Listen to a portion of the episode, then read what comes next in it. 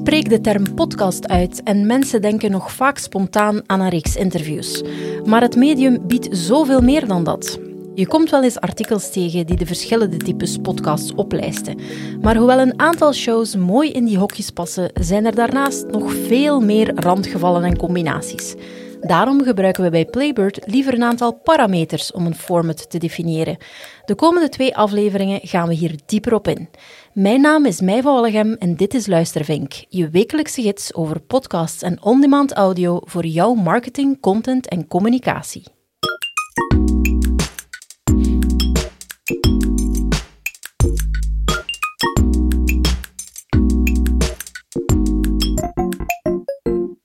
En zoals steeds zit ik hier weer met Lennart Schoors, mijn collega, in de studio. Hoi. Ja, er is natuurlijk niets mis hè, met een eh, klassiek interview, want dat kan heel boeiend zijn. En als iemand wil starten met een podcast, dan lijkt dat ook vaak de makkelijkste oplossing. Ja, een, interview lijkt misschien gemakkelijk, maar uh, toch, ja, er komt veel meer bij kijken dan gewoon uh, even de micro's openzetten en uh, beginnen babbelen. Absoluut. En ook al lijkt het voor de hand liggend, uh, het is belangrijk om te weten dat er dus veel meer mogelijk is met die, uh, met die presentatie. Wij gebruiken zelf graag een viertal hoofdparameters om een format te definiëren. Die staan eigenlijk los van het onderwerp. Zelfs, zelfs al maak je een fictiepodcast, dan nog moet je een aantal keuzes gaan maken. En nog een belangrijke opmerking, vaak is die keuze ook geen zwart-wit keuze van A versus B. Je moet het eerder zien als een, een spectrum met uh, twee uitersten waarop je je positioneert. Ja, om dat een beetje concreet te maken, uh, gaan we twee van die parameters onder de loep nemen. De eerste parameter geeft een antwoord op de vraag wie is je verteller? Of simpeler gezegd, hoeveel mensen zijn er aan het woord? Dat kan gaan van een monoloogpodcast waarbij je zelf alleen aan het woord bent, tot een conversatie met één of meerdere mensen. Aan die ene kant van dat spectrum, die zuivere monoloog, dat is helemaal niet zo evident. Je moet namelijk een goede spreker of verteller zijn, want je loopt het risico om snel monotoon te worden en dus de aandacht van je luisteraar te verliezen. Zeker als het gaat over lange stukken en absoluut als je een script begint af te lezen. Maar met een goede verteller kan het ook perfect. In wezen is hij nog helemaal niet zo ver van het paleis. Uh, maar plots moet hij, ervaren veldheer, die gevochten heeft in Deventer, in Utrecht, bij Brouwershaven, noem maar op, moet hij op enkele kilometers van het paleis toegeven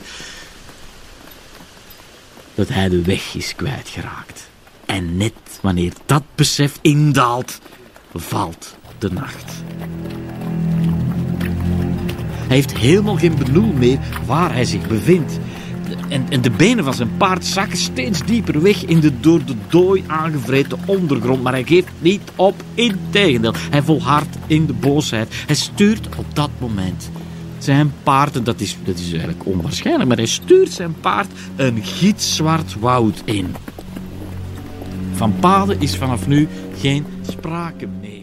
Ja, je hoort een clip uit De Bourgondiërs met Bart van Loo. Het is een productie van Clara met afleveringen van een goed uur. Dat is zeer lang voor een monoloog. Het wordt natuurlijk wel opgesmukt met uh, muziek en geluidseffecten, maar het is voornamelijk de stem en de begeestering van die verteller die je doet blijven luisteren dat uur lang. Ja, ik heb uh, denk ik de meeste afleveringen allemaal op een paar dagen erdoor gejaagd, dus ja. het kan zeker. Binge luisteren. Zo, zo is dat, ja. Aan de andere kant van uh, dat spectrum heb je natuurlijk de conversatie. Um, je hebt het klassieke interview, typisch met twee, een interviewer en die gast. Maar dat hoeft ook geen interview te zijn als je met twee bent. Je kan ook een duo-presentatie doen, zoals we hier doen in Luistervink. Uh, en kan ook zeker met nog veel meer mensen rond de tafel gaan zitten. Zoiets als dit. En bij mij zit Hetty Helsmoortel. Dag lieven. Els Aert. Hallo. Zowel aan de knoppen als aan de microfoon. Stefanie Degene. Hallo. Peter Berks. Hey. Jeroen Baert. Hallo. En Poncho de Woef, die zich in stilte bezighoudt met het kapotkrabben van mijn zetels, die al kapot waren, dus dat mag hij sowieso doen. Dat was een uh, clip uit Nerdland, de podcast. Um, ja, meerdere stemmen in je presentatie klinkt natuurlijk heel leuk. Het zorgt voor afwisseling. Ehm, de sprekers kunnen ook de pauzes gaan gebruiken om even hun gedachten te formuleren en om dan uh, gepast in te komen. Moet natuurlijk ook wel klikken om de conversatie te voeren, hè, dat het geen uh, cacophonie wordt, dat iedereen door elkaar begint Niet te evident. gaan spreken. Nee. Dus als we die parameter monoloog versus conversatie gaan bekijken, ja, dan zie je al meteen dat er binnen die ene parameter heel wat mogelijkheden zijn. Dus je kan uh, het spectrum gaan verkennen en misschien iets verder gaan denken dan die typische voorbeelden.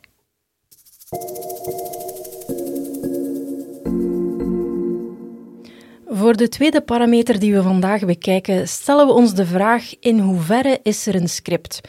En is dat script dan tot in de details uitgeschreven? Of ga je langs de andere kant van het spectrum voor een spontane aanpak, waarbij je het idee van een script misschien zelfs volledig loslaat? Ja, en let op, spontaan wil niet zeggen dat het niet werd voorbereid. Hè. Je hebt nog altijd je research, misschien heb je een heel verhaal in je hoofd, maar dat moet er natuurlijk ook vlot uitkomen. Uh, spontaan hoeft zeker ook niet rommelig, wanordelijk te zijn. Het kan best prima gaan en vaak klinkt dat ook iets authentieker, iets boeiender. Uh, want heb je een script, ja, dan moet je goed opletten dat je niet gewoon gaat aflezen. Ja, en dat script zelf kan dan ook heel veel verschillende vormen aannemen. Hè. Je kan werken met kernwoorden of een, een kapstok, een soort van inhoudstafel voor je verhaal gaan bepalen.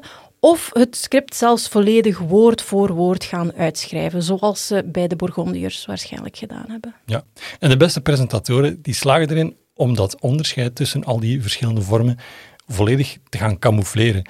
Aaron Dowd, die noemt zichzelf de podcast dude, die zei het zo. It, does seem like some people can get on a podcast or you know video and and they just sound so effortless. They just sound natural.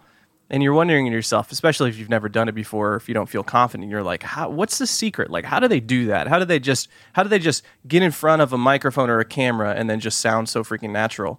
You know, most of my episodes are actually scripted. If it's not an interview show, chances are I've actually written out the whole show and are reading it back. I go off script sometimes, but I bet most of you probably can't tell when I do. Zoals hij zegt, de, de beste presentatoren, hun uitgeschreven scripts, die klinken heel spontaan. En hun spontane improvisaties zijn zodanig vlot dat ze uitgeschreven gaan lijken. Het is gewoon eigenlijk het resultaat van het heel veel te doen, denk ik. Oefenen.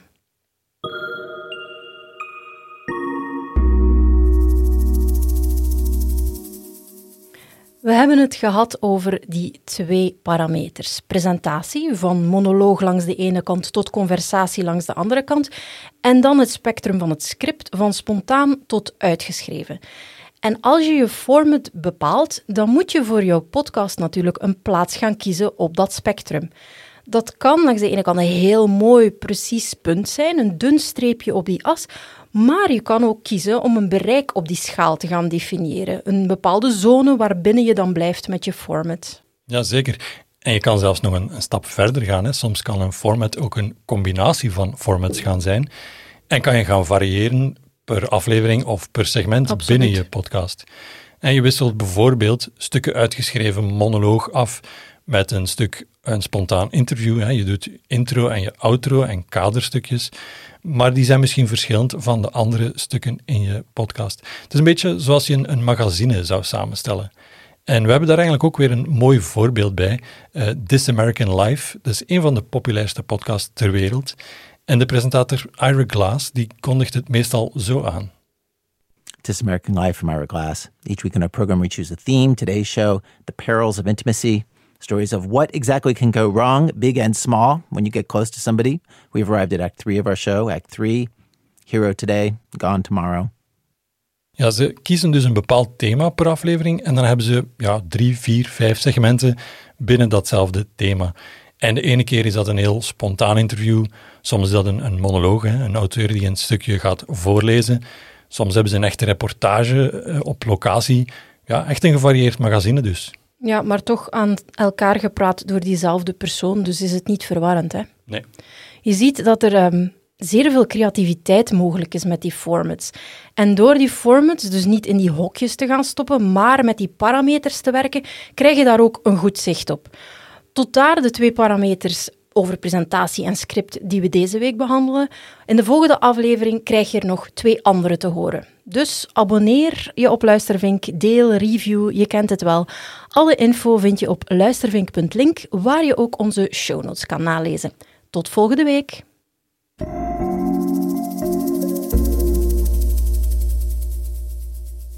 Luistervink is een productie van Playbird. Wij steken podcastformats niet in hokjes. Playbird.co. Wij laten jouw verhaal weer klinken.